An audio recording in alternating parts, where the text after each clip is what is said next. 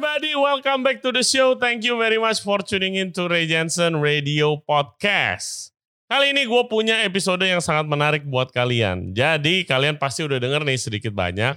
Kalau minuman-minuman beralkohol yang diproduksi di Indonesia itu sudah banyak yang memiliki izin produksi dan juga izin distribusi yang lengkap. Nah, pertama congratulations to all of you yang punya izin lengkap karena sudah nggak usah ngumpet-ngumpet lagi. Nah, tamu podcast kita kali ini namanya Wena Wahyudi Komang. Dia adalah co-owner dari Twilight Spirits. Salah satu produk mereka adalah arak Bali yang rasanya kopi, namanya arak Bika. Sangat-sangat enak rasanya. Nah, dia akan cerita dari mulai idenya produksi arak Bika, pengurusan izinnya yang kita tahu itu bakalan sangat-sangat ribet, dan lain sebagainya. Menariknya, arak Bika ini bekerja sama mulai dari yang punya resep araknya, yang produksinya, sampai ke petani bahan bakunya. Sangat menarik untuk pelajaran kita semua. Seperti biasa, jangan lupa subscribe di Ray Jensen Radio. Selain di YouTube, kita ada di Spotify, Apple Podcast, Google Podcast, Anchor App, dan juga sekarang ada di Noise. So check it out kalau yang uh, mau dengerin di sana. Kita juga ada di Instagram di Ray Jensen Radio. Bisa ke sana untuk cek further updates. So please welcome Wena Wahyudi Komang. Enjoy the show.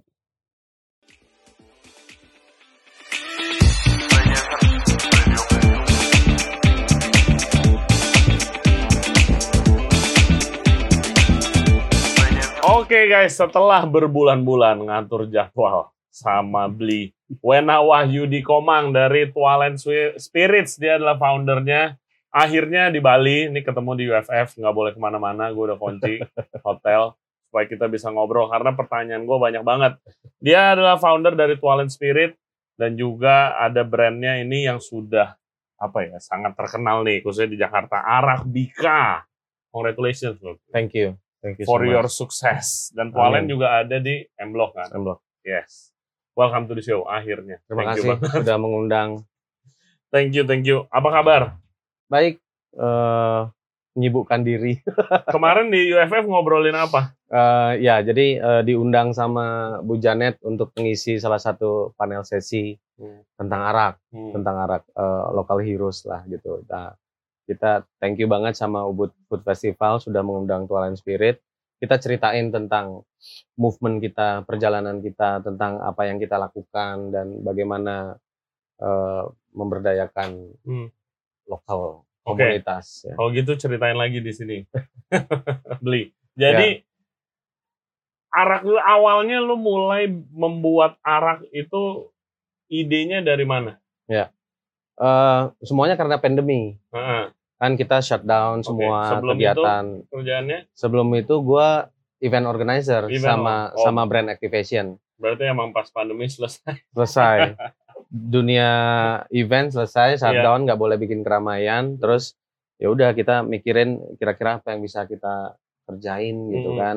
Tapi pengennya nggak cuman kita berdiri sendiri, nggak okay. cuman biar bisa gua atau uh, internal kita aja yang bisa bisa merasakan tapi pengennya lebih lebih banyak lagi orang gitu ya multiplier effect. Hmm. Jadi eh, yang pertama sih memang bagaimana kita membuat bisnis dengan purpose yang baik gitu ya. Hmm. Jadi kita melibatkan petaninya langsung gitu. Yeah. Eh, kita melibatkan artisannya, kita melibatkan banyak pihak kayak koperasi, hmm. kemudian eh, bermitra dengan pabrik yang sudah punya izin dan lain-lain. Nah, akhirnya dengan satu pemikiran gua ngeluarin tualen namanya tualen gitu ya berkolaborasi sama M Block Group hmm. untuk bikin satu brand bareng entitas bareng dan semoga bisa bermanfaat buat semua pihak gitu sih. Jadi, awalnya karena memang Arabica tuh produk dari Tualen. Produk dari Tualen. Oke. Okay. Terus kenapa lu beralihnya ke alkohol lokal? Padahal waktu even waktu pandemi aja kan masih biarpun ada beberapa brand yang yeah. muncul kan tapi yeah. sebenarnya masih abu-abu kan yeah. waktu yeah. itu kan yeah. gitu kenapa yeah. lu berani gitu gua gue sih pecinta arak ya peminum hmm. arak hmm. Hmm. dulu tapi semenjak sejak sejak sejak SMP bahkan gitu hmm. gitu kan dan sudah sudah mencoba beberapa arak. Cuman Ya, Pada kan asli Bali juga. asli Bali dan memang ya memang doyan, tapi kan memang karena susah gitu ya eh, mendapatkan arak di luar. Iya. Eh, terus kemudian disambut juga dengan eh, munculnya pergub pada saat itu 2020. Mm-mm. Gue pelajarin sebenarnya ini bisa kita eh, jadikan pijakan Oke. untuk bagaimana kita mengembangkan ini. Mm-mm. Jadi sebenarnya eh, Pergub nomor 1 tahun 2020 Ya. yang dikeluarkan eh, Pak Wayan Koster, Gubernur Bali, Mm-mm. dia menata tata kelola minuman fermentasi dan distilasi produk lokal, minuman Wow, lokal gitu kan. Akhirnya ya. Akhirnya eh, ya ini sih sebenarnya eh, niat baik ya, niat Hmm. baik dari dari pemerintah daerah Ya. bagaimana memandang memandang arak Bali ini memang sebagai sebuah potensi. Ya. Kalau dikelola dengan baik ya ya harusnya mensejahterakan kan seperti itu. Ya. Dan lagi memang Bali sebagai sentra produsen arak terutama Karangasem gitu ya. Dan dari sana akhirnya kita coba ngulik nih eh, dengan sistem kolaborasi. Hmm. Kita sebenarnya kan nggak nggak perlu bikin pabrik lagi karena izin IUIA dan pabrik itu juga udah dicabut sama Pak Presiden di, wa- di waktu yang sama tahun 2020 gitu. Hmm. Akhirnya ya semuanya sistem kemitraan. Jadi kita approach eh, ke pabrik yang punya sudah punya izin, bagaimana kita bisa nebeng produksi di sana dari sisi legalnya dan lain-lain. Kemudian eh, pembelian eh, bahan bakunya, araknya, semuanya bisa melalui koperasi Hmm. karena ko- koperasi yang ya ekonomi ekonomi kerakyatan ya maksudnya dia harus eh, menaungi eh, petani-petani di desa gitu Jadi perekonomiannya ngalir gitu. mengalir ya. semua sirkular gitu. Yang melakukan quality control dan lain-lain itu eh, tidak hanya berbisnis tetapi koperasi juga melakukan QC Hmm. terhadap petani-petani yang dibinanya gitu. Nah, melalui dari koperasi kemudian eh, kita bawa itu kemudian ke pabrik. Jadi ada yang sifatnya transform dari yang sifatnya tradisional, proses tetap kita lakukan di Iya. rumah petani. Iya. Kemudian kita bawa eh, ke pabrik untuk master blend, R&D, kemudian eh, bottling, labeling, packaging sehingga semuanya tuh beres Nah, legalnya. Zaman dulu sebelum ada eh, hukum itu, Ya. pergub itu, Ya. Produksi arak tuh di mana kebanyakan? Di kebanyakan di Karangasem. Hmm.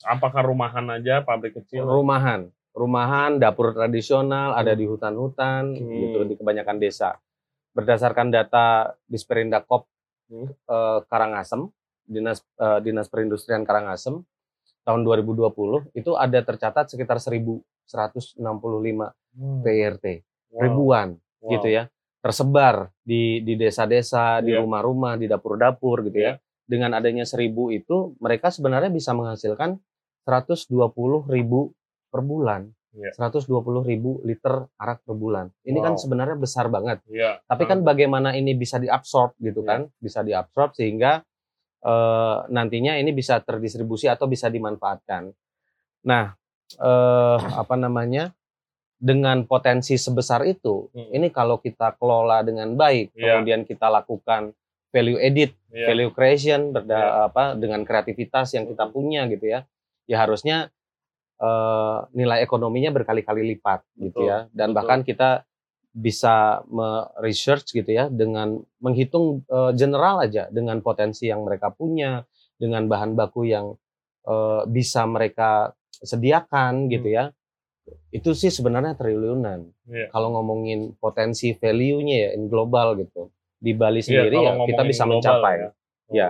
Cuman global. kan sekarang ketika misalnya ini ada produknya ada mau dibawa ke mana kan gitu kan Hmm. akhirnya ya kita fokus kepada proses dan creating market gitu. Betul. Petani fokus kepada produksi Hmm. walaupun kita tetap intervensi ya dari sisi prosesnya. Hmm.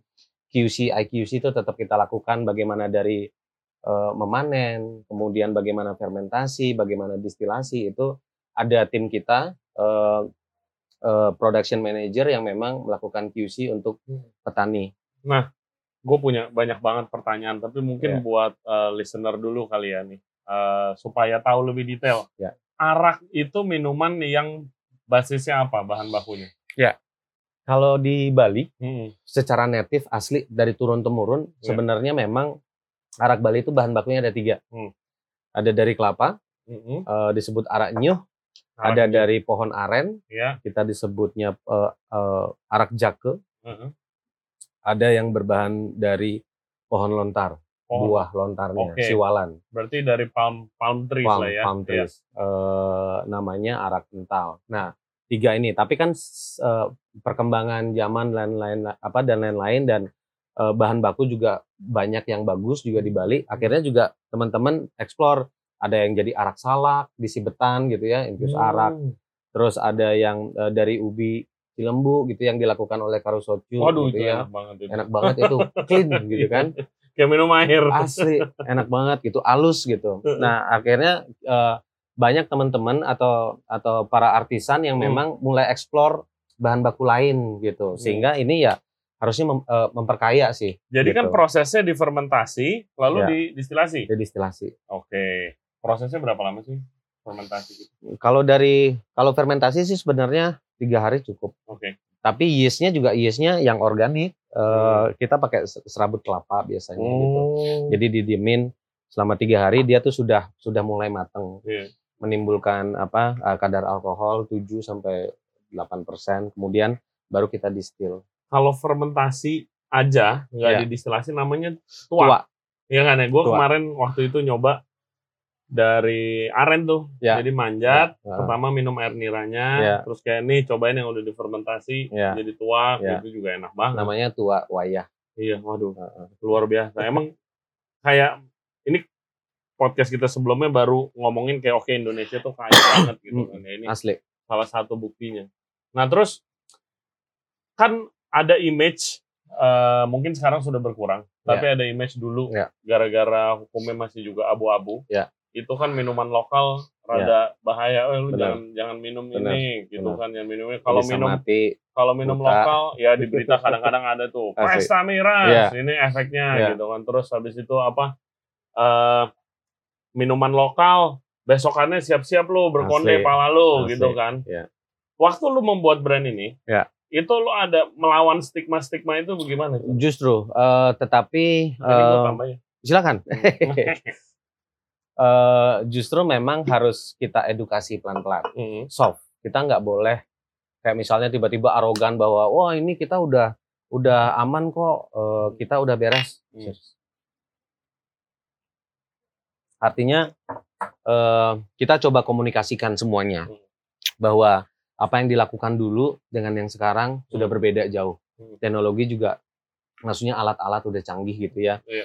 Sekarang kan bagaimana dengan adanya pergub ini kemudian diatur. Gue sih seneng banget ada pergub ini karena Betul. memang menjaga termasuk bagaimana kita menjaga hak konsumen agar tetap sehat mengkonsumsi, agar tetap baik-baik saja gitu Iya, ya tanda kutip. kualitas juga. Ya gitu. Nah artinya gua komunikasikan terus.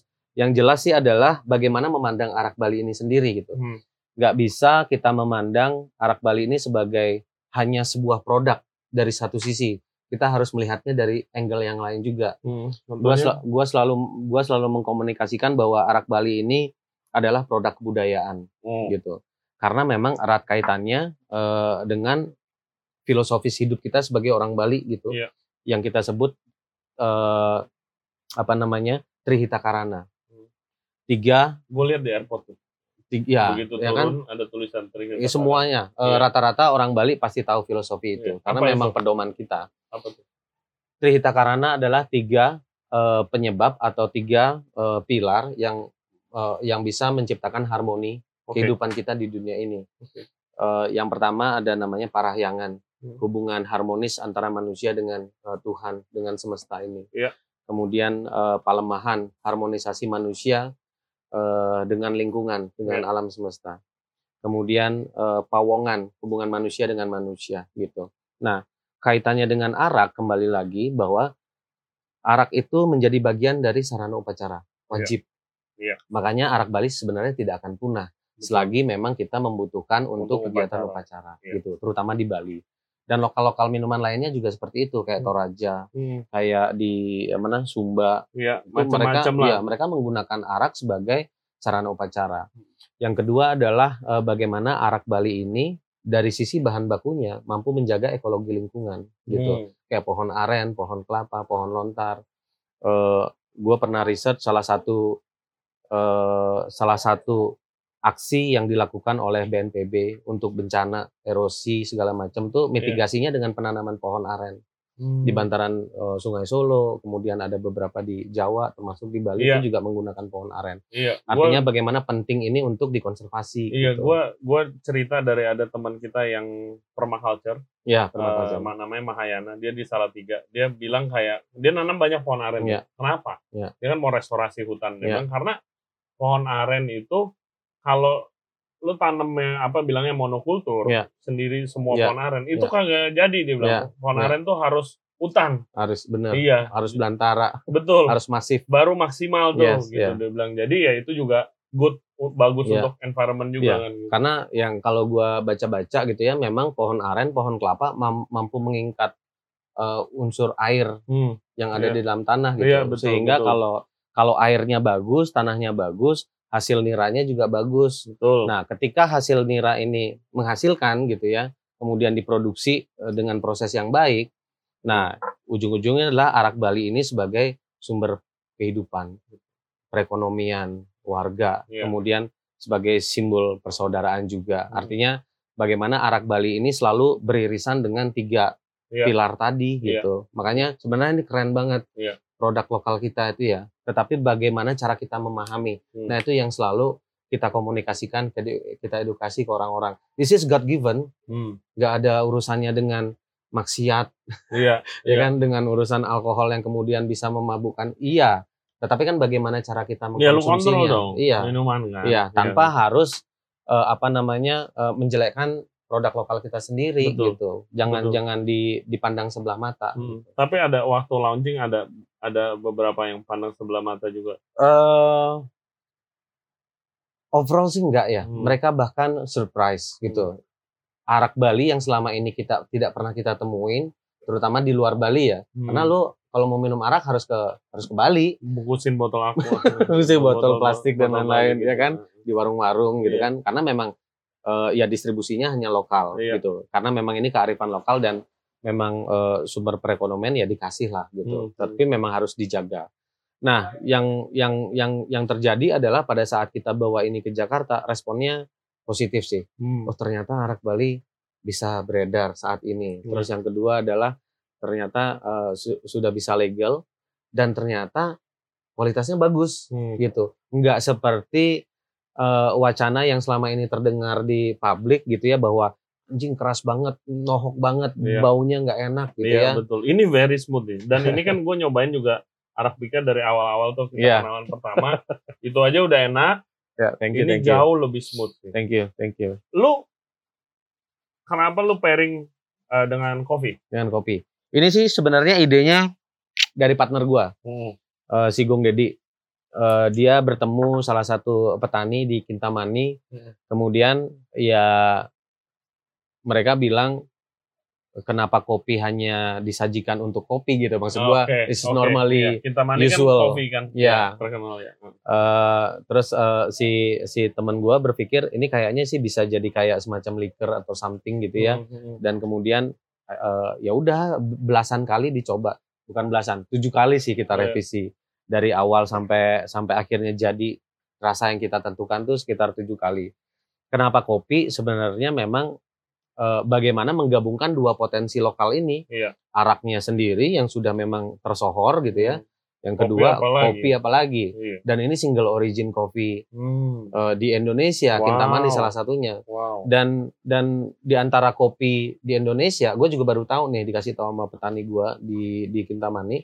Kintamani adalah eh, kopi single origin pertama yang mendaftarkan indikasi geografi di Indonesia. Oh, yang indikasi Ya, geografis jadi, itu. Eh, Iya, iya. kodenya IG 00001 itu tuh Wow. Kintamani. Wow. Tahun 2018 itu berapa? Gue lupa, gue lupa. yang belum tahu, belum pernah dengar indikasi geografis tuh ya kayak bahan makanan atau Ya. tumbuhan yang apa emang asli dari situ dan Ya. kualitasnya terjaga Dan gitu. hanya bisa ditanam di satu. betul contoh ada ubi cilembu, ada lada Yes. putih muntok, ada Bener. vanila, ada Eh, pala dari Papua macam-macam Ya, gitu. Luar Banda biasa. dan lain-lain ya. Dan lu proses pembuatan eh, ini, Hmm. ini apa apa arabica ini Ya. itu mem- sampai dari ide sampai launching butuh berapa lama? Hmm, sebenarnya Juni 2020 Hmm. gua sudah berdiskusi ini dengan Gung Dedi. Tetapi karena memang eh, ya belum bisa ngapa-ngapain ya kita Hmm. Start from small lah. Hmm. Eh, eh, aku tuh selalu percaya kita nggak usah eh, muluk-muluk bermimpi yang bikin besar, tetapi start from small, tetapi progress gitu. Dari Juni 2020 kita bahas, kemudian kita bisa homemade produksi homemade, Oke. cuman 100 liter, Oke. 200 liter gitu ya.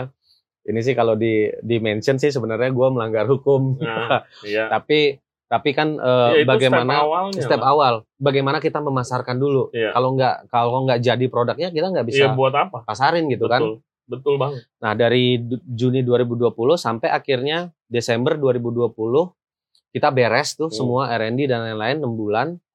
Eh, Maret tahun 2021 kita display Oke. di warungnya Tualen di M Block. Hmm. Cuman kecil tiga kali tiga. Dari sana tuh kayak dari ya, the power of teman gitu. Iya. Enggak itu Dari dari, teman situ aja teman. udah kedengeran. Iya. Kalau gua ya gua kan emang di komunitas F&B Iya, gitu kan. Iya. Udah kedengeran nih tuh lu tau Arabika gitu Oh, iya? segala macam Iya. kan. Gua belum sempat ke sana. Hmm. Makanya pertama kali nyobain yang waktu kita kenalan itu. Iya, iya, Iya. iya. Cukup panjang sih sebenarnya. Tetapi yang menariknya adalah gini. eh teman-teman excited Hmm. gitu. eh ternyata Arak Bali ada sekarang di Jakarta. Kemudian dengan dengan kualitas yang baik, Yes. dengan rasanya yang enak gitu ya. jujur sih- jujur juga stigma juga itu. Masih Iya, ada. Pasti. Arak nih gitu kan. Aduh besok bukannya Ya, apaan nih gitu ya. gitu kan. Gitu kan. Besok Cuman bukan. eh, ya eh, salah satunya Ade Putri yang meyakinkan juga Hmm. bahwa bagaimana memperkenalkan arak tuh dengan kayak personal trust gitu. Hmm. Hmm. Siapa yang memperkenalkannya, siapa yang membuat, Iya. bagaimana caranya dan lain-lain. Kalau lu udah kenal sosoknya, maksudnya secara reputasi juga baik, lu pasti percaya. Betul. At least mencoba dulu Iya. eh, tanpa harus tahu detailnya seperti apa, tetapi gue tahu bahwa oh eh, eh, apa Ray baik nih dalam dalam satu hal tertentu, Hmm. gue pasti akan percaya dan gue akan makan Betul. atau mencoba apa yang lu bikin Betul. gitu. Nah kalau udah coba udah ada personal Iya, kan. udah. Ya kan? Nah dia dia dari dari dari teman-teman ngasih tahu temannya lagi, ngasih Hmm. tahu ke temannya lagi gitu, yang akhirnya semuanya organik banget gitu. Hmm. Bahkan kita tidak ada di Instagram, di media sosial, kita tidak Wow. promo di toko digital, e-commerce dan lain-lain karena memang kita sadar bahwa ini masih masih early banget dan ini masih perlu disupport sama legal standing yang yang kuat gitu Iya. ya.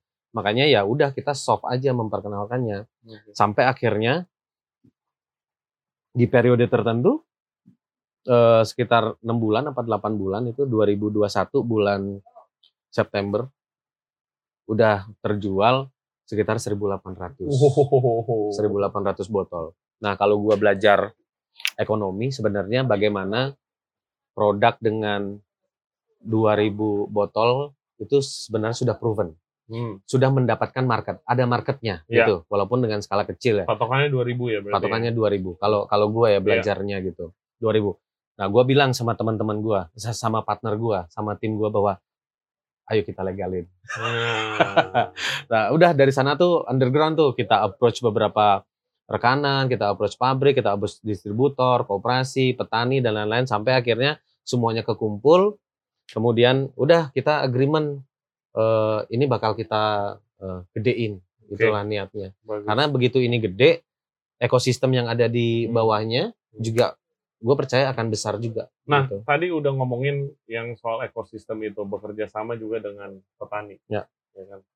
Itu bagaimana sistem kerja sama? Ah, yang pertama gini, banyak beberapa eh, yang usaha tetap mengambil tuanya saja karena Hmm. mungkin harganya lebih murah. Hmm. Harganya lebih murah, kemudian lebih mudah untuk mengkontrol standar quality dan lain-lain. Tapi Tualand Spirit, eh, gua dan tim sepakat untuk bagaimana menjalankan bisnis ini dengan purpose yang baik gitu. Iya.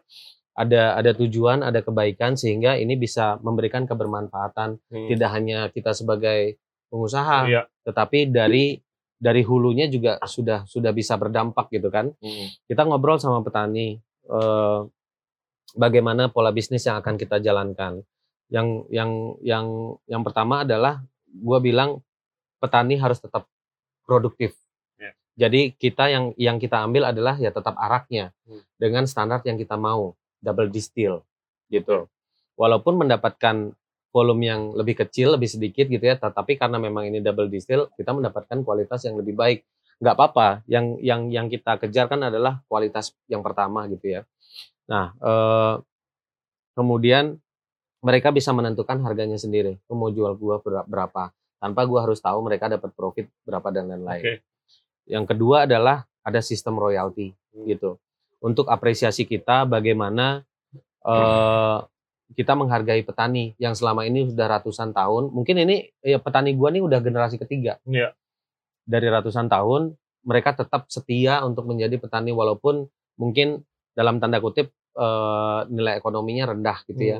Nah, kemudian ini yang kita yakinkan bagaimana ketika kita produksi bikin brand bareng-bareng, produk bareng-bareng selama dia bisa supply ke kita dengan kualitas yang baik, kita memberikan royalti ke mereka gitu. Royaltinya itu apakah per botol? Per botol, Wow. per botol. Eh, kita mengelolanya dengan sistem IP gitu, intellectual property. Oke. Karena gue yakin ide itu adalah IP. Iya. Resipi adalah IP. Betul. bagaimana lo membuat produk itu menjadi IP. Hmm. Nah, eh, kalau berbicara generalnya kan, gue ngobrol sama beberapa teman yang sudah sering menjalankan IP bisnis, eh, eh, biasanya sih dua setengah persen. Oke. Nah, ini karena kita memiliki goodwill Hmm. untuk mengembangkan ekosistem ini, gue ngasihnya tiga setengah bahkan sampai empat persen, Wow. gitu. Eh gua gua sering zaman dulu nih ya. Kalau sekarang ya sistem lu begitu ya Iya. benar-benar menguntungkan, tapi kayak zaman dulu tuh gue sering dengar aja cerita misalnya Iya. perusahaannya udah besar misalnya apa bukan spirit Iya. mungkin coklat Iya. atau perusahaan jus buah atau Iya. apa tapi petaninya tuh buset deh dibeli dengan Iya. nggak fair gitu loh fair. dengan dengan fair. harga yang sangat murah Iya. oh kalau nggak mau ngambil oh ya udah kita nggak ambil Exactly. gimana lu jual produk Exactly. lu gitu Iya. jadi kayak ditekan gitu Apalagi kita punya seribu Iya. 1165 PRT, gue bisa dengan mudahnya pindah ke petani lain gitu Iya. kan. Tapi karena memang ini yang sudah kita pilih, kemudian eh, kerja dan kreasinya juga kita hargai, gue pengennya eh, ayo kita bareng-bareng gitu ya. Iya. Dan eh ini batch pertama sudah habis Hmm. dari kita launching sampai bulan Juni kemarin. congratulations Thank you. Sekitar 2.500 tuh batch pertama udah habis. Kita rilis royaltinya ke Hmm. petani. bagus Sekarang sekarang mereka memperbesar rumah produksinya, iyalah udah bangun rumah. Dan ini eh, royaltinya bukan untuk art- eh, untuk untuk petani aja tapi untuk artisannya juga. Hmm. Partner gue yang punya yang punya resip gitu. Hmm. Sama itu udah kita rilis tapi yang membedakan adalah kalau untuk untuk artisannya yang punya resipi gitu ya. eh seumur hidup royaltinya. Lo sama kayak mendengarkan musik gila jadi selama lu mendengarkan musik, selama lu lagu lu diputer di mana pun, kapan pun, Iya. itu lu akan men- mendapatkan royalti, kan Gila. gitu kan gila untuk gila. penciptanya. Nah Nice, ini, nah ini kita berlakukan Iya. di, di di di produk kita gitu. Jadi Keren selama sih. Arabica diproduksi, kapan pun, berapapun, secara volume dia juga akan menerima royalti. mantap mantap ya jadi kasih semangat supaya berkarya juga Iya, kan soalnya iya. eh, ini gue yang sistem seperti ini gue dengar waktu gue eh, podcast bareng Pipiltin Oh, Koko. Pipiltin iya Pipiltin Koko Nice. di mana dia cerita ya dia juga sama dengan lo mirip sistemnya kayak dia juga mau mensejahterakan petani-petani Iya. itu gitu kan Iya. karena sistemnya contoh coklat kenapa sih coklat di Iya. Indonesia manis doang kualitinya rendah Iya. ya karena petaninya waktu itu bilang ke dia dia bilang ya gue bikin coklat bagus-bagus nih yang Iya. organik segala Iya. macam Iya. harganya sama dia Asli. bilang ngapain Asli. mendingan gue biarinin aja Iya. gitu kasarnya kan tapi Iya.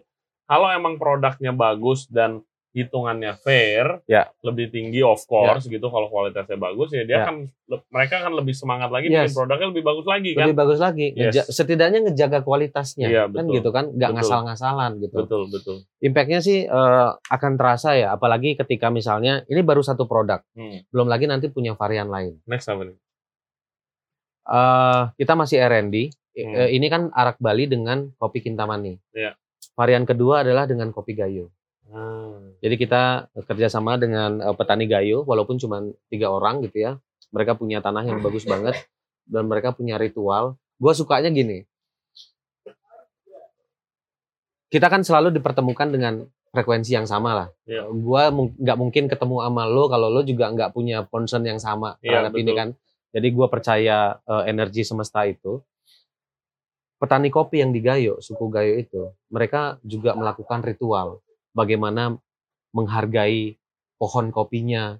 Jadi pada saat mereka nanam, mereka menganggap bahwa ini anaknya, Iya. didoakan, tumbuh dengan baik, berbuah dengan baik gitu ya. Kemudian pada saat eh, pemeliharaannya juga mereka ada ritual panen, ada ritual Hmm, eh, hampir sama banget dengan Bali gitu ya. Iya. Yang apa-apa kemudian ya ada ada sedikit ritual untuk mendoakan agar ini Hmm. menjadi baik kan gitu.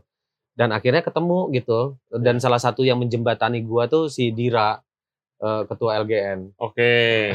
Oke. Ketua LGN si Dira Narayana dia juga antusias banget menceritakan petaninya karena Hmm. yang memberdayakan si Diranya. Iya. Tapi ketika ketika ketemu sama gua terus gua ceritakan juga apa yang menjadi misi misi gue, Hmm, hmm, akhirnya nyambung, hmm. nyambung lah. Ya yang sefrekuensi pasti akan ketemu dan pasti akan merge gitu ya.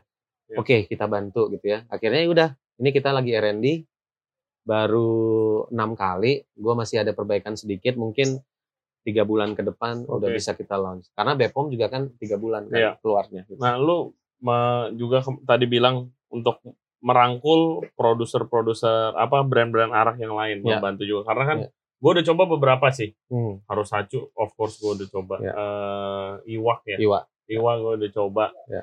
nah eh, dan gue yakin masih ada beberapa yang lain Ya. gitu kan lu gimana kenapa lu mau merangkul brand lain Eh, gini, apa filosofi di balik itu sebenarnya berangkat dari Tualen sendiri. Hmm. Tualen itu kan punakawan. Hmm. eh kalau versi Jawanya Tualen itu adalah Semar.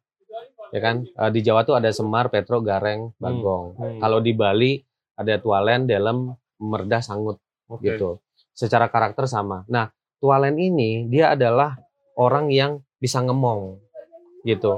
Orang yang orang tua, buruk rupa, gendut, pendek, hitam, Hmm. tapi dia baik, jujur, wise gitu dan dia hadir di saat yang tepat gitu misalnya ya Hmm. secara filosofi. Nah, Tualan Spirit gua harapkan bisa menjadi pamong Oke. ini Yang bisa ngemong, gitu. yang mengayomi sehingga yang kita kembangkan sebenarnya adalah sebuah ekosistem gitu.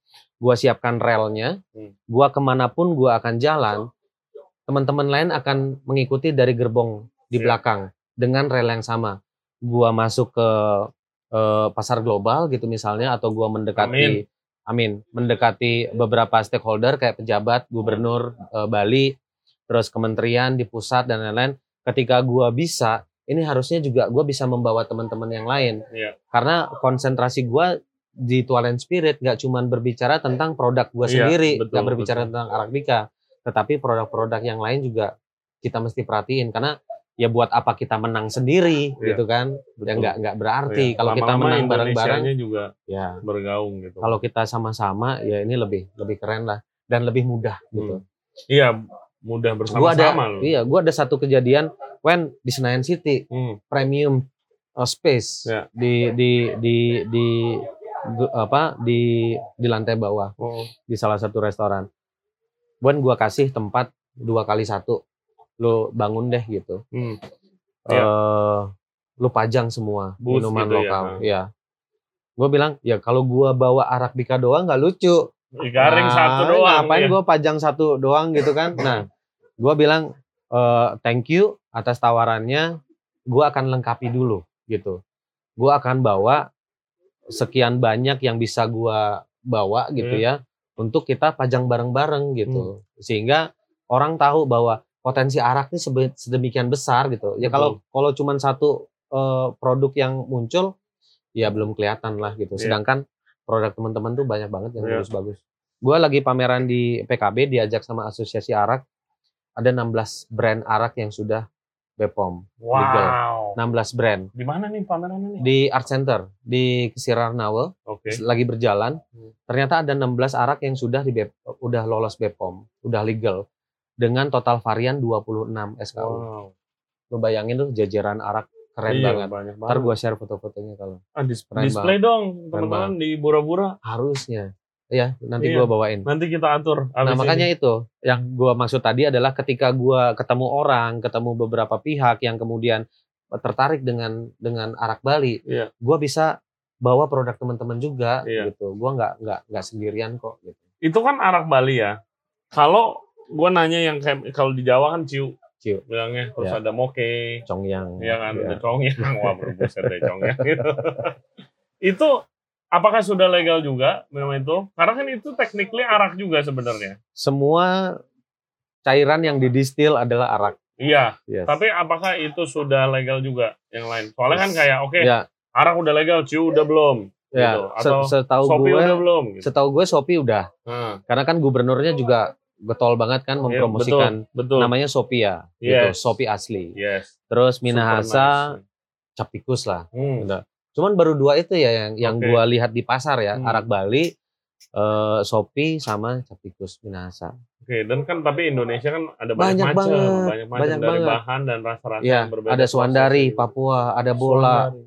ada Moke, ada Shopee, Iya, Congyang dan dan kultur minum di Indonesia tuh kuat banget Betul. sejak ratusan tahun lalu dan ada Betul. prasastinya.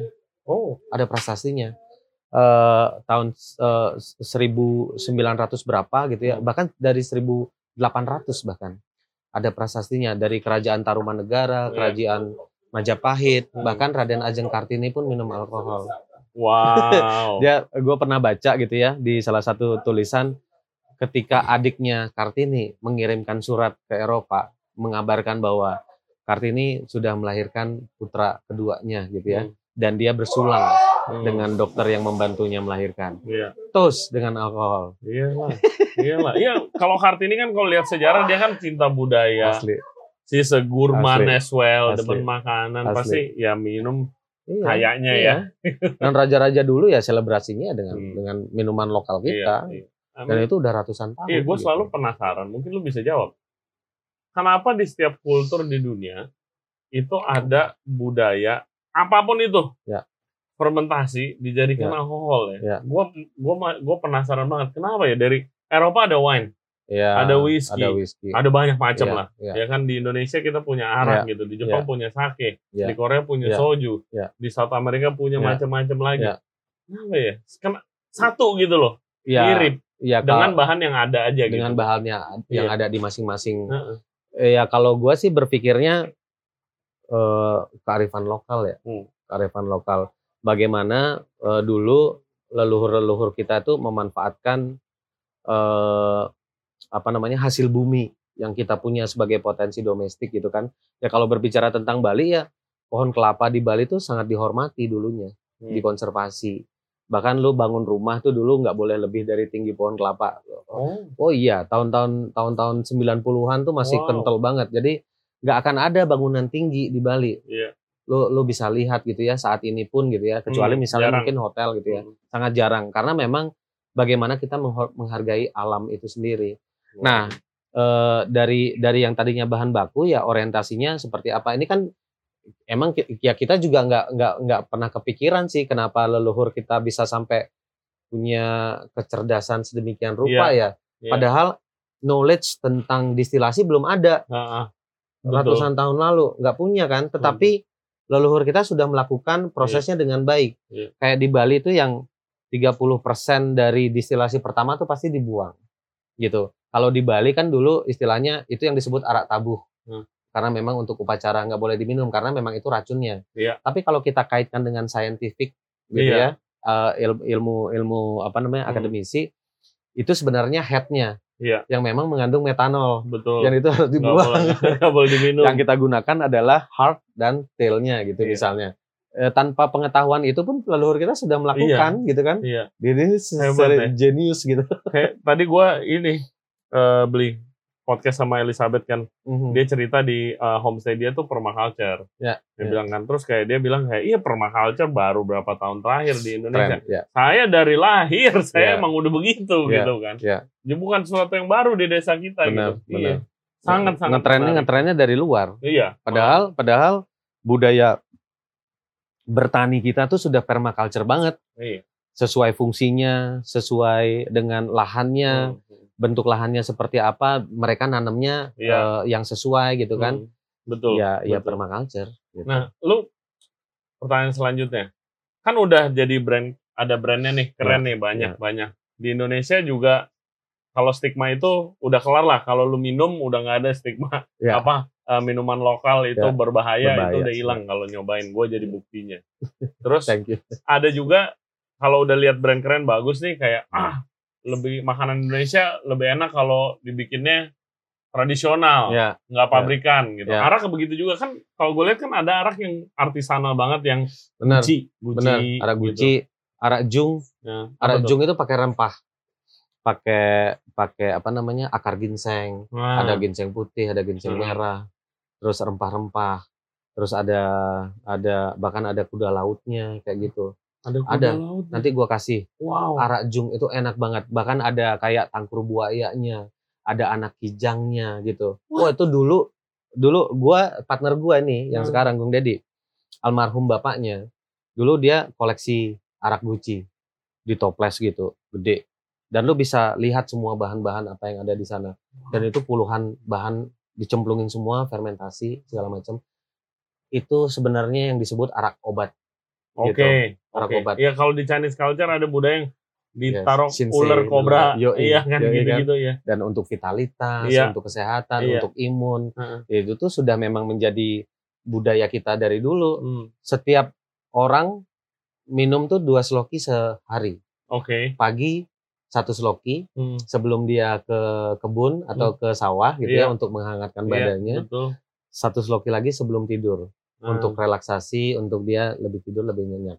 Sangat Nah, sekarang bagaimana kita cara mengkonsumsinya aja. Iya. Makanya yang selalu gua bilang ke teman-teman adalah bagaimana arak Bali ini bisa bisa baik ya tergantung bagaimana kita memperlakukannya gitu. betul. Gua sangat apa ya? Gua sangat interest banget dengan cara orang barat meminum wine gitu ya. Hmm. Yang dia menuangkannya aja punya attitude dan manner Betul, yang baik. Kemudian dia Buka cium botolnya. Seolah-olah dia ketemu kekasihnya gitu kan. Terus kemudian dia minum, ada kerinduan gitu, ada yang dia anjir enak banget. Nah, ini nih harusnya begitu memperlakukan Iya, minuman Betul. gitu. Gua pengalaman gue tuh pertama kali gue tinggal di Eropa, gue makan di restoran, terus gue lihat nih kakek-kakek buka botol wine, minum segelas wine nggak pesan apa-apa lagi. Iya. Iya. Sendi- sendirian aja, Iya. enjoy, Iya, chill, iya, iya kan? gitu. Kayak kayak apa? Eh, kayak media untuk meditasi. Hmm. Iya betul. Untuk kontemplasi gitu kan. Iya mungkin dia mikirin apa, terus Oh, habis itu iya. gue jalan, gue jalan-jalan, gue keluar, gue sore gue lewatin tuh restoran, Iya. dia masih di situ, ngecil aja gitu. Kan kalau gue ya anak muda budaya Iya. Jakarta kan Iya, minum, iya, hajar, iya. gitu. Iya. kan. Sebenarnya kan nggak harus seperti itu. Iya, publik sih rata-rata gitu. Apalagi kita ya pengennya murah, mabuk, cepet, enak gitu ya. Terus kemudian ya udah Standar. sembarangan. Teguk seteguk-teguknya juga Iya. disikat gitu kan. Padahal ya ya balik lagi bagaimana kita memperlakukan sih. Eh, sangat menarik pembahasannya. Eh, jadi mungkin terakhir nih, nextnya apa nih untuk Tualen? Iya. Selain produk baru tadi tuh. Selain produk baru, eh, fokus kita agregasi, Hmm. mengagregasi tiga hal. Yang pertama petaninya, Mhm. karena kalau kita semakin berkembang, Ya. gue juga akan melibatkan petani nggak cuma di satu desa, tapi dua desa, Ya. bahkan sudah bisa ke Gayo eh, on progress gitu ya. Hmm. Terus kemudian mengagregasi eh, produknya sendiri, bisa diapain aja nih si arak gitu ya, Hmm. dengan dengan eh, dengan kita mix mungkin dengan bahan baku lokal lainnya, bisa dengan kecombrang, bisa dengan apa namanya eh, kecarum apa sih namanya istilah eh, apa namanya yang ada di lalapan tuh biasanya Lenca apa? Si lalapan banyak. apa sih namanya daun daun kemangi Oh, daun kemangi. itu Oke. enak banget kalau Iya. lu infus gitu kan Oh, nah itu masuk sih. asli pokoknya kita mau coba explore bahan-bahan lokal kecombrang kemangi terus vanila terus eh, termasuk coklat gitu ya Jadi sama Indonesian gin. mengagregasinya artisannya gitu jadi ada tiga hal petaninya produknya artisannya karena gue yakin banget masih banyak artisan-artisan yang baik yang bagus yang kemudian eh, mungkin tidak memiliki kesempatan yang sama kayak Masih gue gitu ya nih. masih keumpet Iya. nah ini mau coba kita mau coba kita hunting gitu ya artisan calling gitu misalnya Wih, artisan ya kan? calling tuh guys, Tualen. Mantap. ya kan jadi kita kumpulin lu lu lu berkompetisi aja Hmm. siapa nih resepi-resepi yang enak begitu kita dapat kita produksi masak Mantap. gitu Nah, untuk yang mau bekerja sama sama Ya. Tualen Ya. ataupun bar yang mau ngambil produk-produknya Ya. Tualen bisa ke mana? Eh, saat ini eh, kita lagi menjahit dengan beberapa distributor, Hmm. termasuk Tualen sendiri punya anak perusahaan Hmm. untuk mendistribusikan produknya sendiri, namanya Sarana Spirit Nusantara Oke. untuk eh, apa distribusi secara nasional maupun daerah. Di Bali eh, eh, kita bisa dapetin di- distributornya namanya Ariana. Eh, sekarang sudah ada di Hatro Cafe, di Drink Up, di Bir Co, Legian, Canggu, Seminyak, di Holy Tirta Sanur. Kemudian ada beberapa tempat lain, ada di Instagram juga kita kita listing Hmm. eh, daftar TPE kita.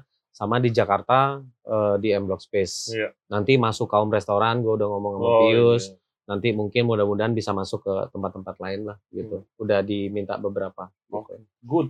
Dan bisa DM Tualen di Instagram, Spirit, ya. Tualen Spirit dan juga Wena Wahyudi Koma. Kalau mau nanya-nanya atau mau daftar jadi artisan luar biasa royaltinya seumur hidup.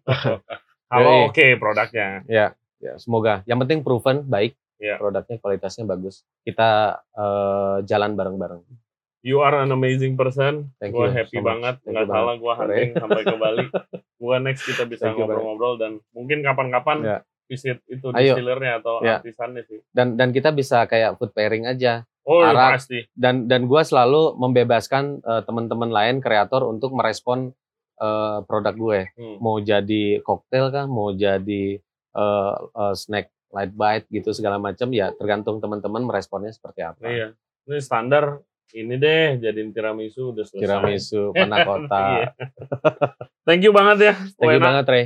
Yes, untuk advice-nya gue belajar banyak banget dan pasti Sama-sama. kalian listener semua juga uh, terinspirasi banyak. dari Semoga semoga bermanfaat. ini. Semoga sukses. Amin. Terima kasih. Doa yang sama. Yes, amin, amin. Dan thank you ya guys buat yang udah nonton podcast kita kali ini dan yang udah dengerin juga. Kita selain di YouTube ada di Spotify, Apple Podcast, Google Podcast, dan juga Anchor App. Instagram kita di Regenerator Radio. Sekali lagi terima kasih Walen Baik, terima kasih. dan juga. Arabika uh, beli Wena. Semoga sukses ke depannya. Amin. Dan juga terima kasih kepada Adiwana Ubud Monkey Forest yang udah menyediakan tempat kita podcast. Bisa Nice cek promo-promo yang menarik di deskripsi kita. Oke, stay safe, stay healthy, drink more local spirits. We'll see you next time. Cheers. Cheers.